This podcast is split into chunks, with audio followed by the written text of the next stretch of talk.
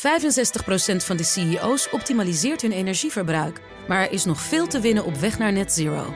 Meer weten? Ga naar pwc.nl slash netzero.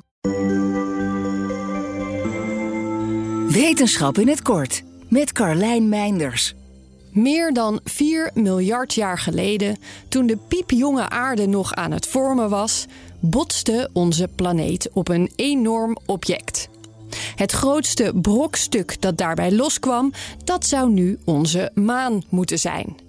Maar wanneer dit precies gebeurde en hoe, dat weten we nog niet goed.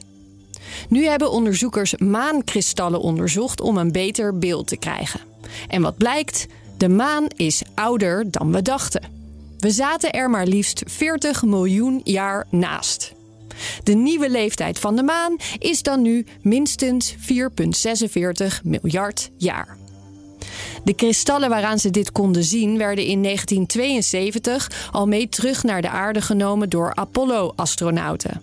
Ze moeten meteen na de botsing zijn gevormd, nadat het door de knal gesmolten oppervlakte weer was afgekoeld.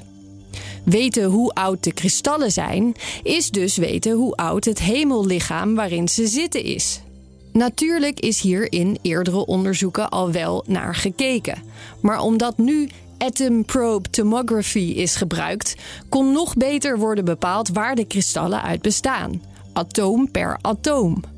Door te kijken in hoeverre de atomen door de tijd heen waren afgebroken, een vorm van verval waarbij ze transformeren naar een andere samenstelling, en met de kennis van hoe lang deze processen duren, konden ze bepalen hoe oud de atomen moesten zijn.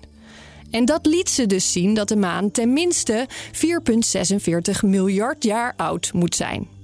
Het bewijs dat de meegenomen maankristallen in ieder geval de oudste stukjes maan zijn die we tot nu toe hebben gevonden. Wil je elke dag een wetenschapsnieuwtje? Abonneer je dan op Wetenschap vandaag. Luister Wetenschap vandaag terug in al je favoriete podcast-apps. 65% van de CEO's optimaliseert hun energieverbruik. Maar er is nog veel te winnen op weg naar net zero. Meer weten? Ga naar pwc.nl slash netzero.